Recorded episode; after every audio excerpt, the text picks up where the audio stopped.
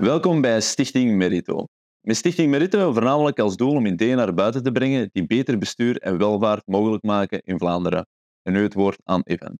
Ja, ik wil het ook wel eens uh, wat meer over de cultuur hebben in ons land. Over het feit, de vraag die we ons moeten stellen van wat, wat belichaamt eigenlijk onze, onze opvattingen en uh, een, een heel economisch relevante uh, karakteristiek daarvan is dat je kunt eigenlijk voor een, een deel zeggen, 30 jaar geleden en nog langer uh, was de, taak, de rol van de overheid veel beperkter. Vandaag is die bijna allesomgevend, alles bepalend. En dus is de vraag die je kunt stellen van zitten we vandaag in een overheidscultuur eerder dan een ondernemerschapscultuur.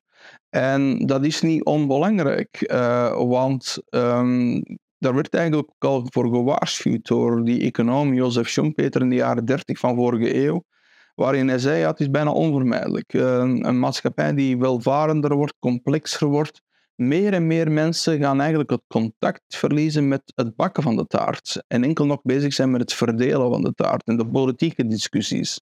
Maar de taart moet wel eerst gebakken worden. En um, en als te veel beslissingen eigenlijk daar geen rekening meer mee houden, ja, dan creëert dat een gevaar voor de dynamiek uh, voor een maatschappij om nog vooruitgang te realiseren.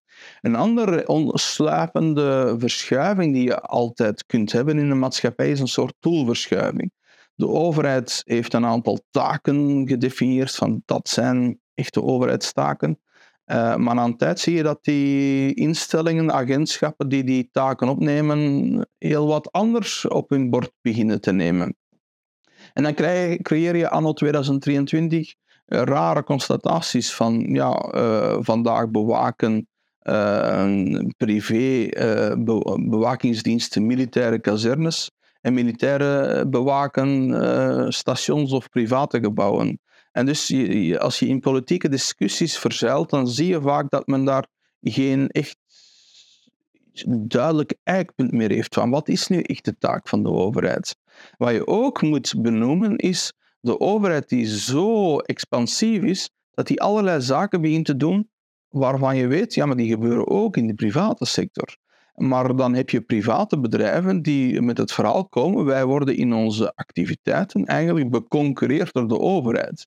En dat is een probleem, want die overheid die heeft niet dezelfde beperkingen, of ik denk ook, hè, die laat haar overheads of, uh, betalen, haar indirecte kosten door de belastingbetaler, en die komt dan in een concurrentiële omgeving uh, de markt helemaal scheef trekken. En dus dat zijn echt belangrijke thema's voor ons land. Het juiste evenwicht tussen de markt en de overheid. En um, Uiteraard is er een plaats voor de overheid. Ik ben niet tegen de overheid, uh, maar we moeten een goede, gezonde maatschappelijke discussie hebben over wat die taak is. En er ook niet een soort utopische discussie van maken alsof de overheid perfect is. De markt kan falen. Hè. Bijvoorbeeld bedrijven die zouden uh, in bepaalde omstandigheden te weinig rekening kunnen houden met hun ecologische voetafdruk. Uh, denk ook aan hoe auto's worden geproduceerd, dat daar soms een correctie eh, bij nodig is, van dat die toch wel wat zuiniger moeten zijn in hun energieverbruik en dergelijke. En daar kan de overheid een rol in spelen. Maar de overheid in haar optreden slaat ook vaak de plank mis. Dus, en uh, dat, zijn zo, dat lijken heel grote ideologische discussies. Maar ik kom eigenlijk bijna op een slogan uit waarvan ik zeg, er is marktfalen, er is overheidsfalen. Maak daar maar eens het beste van.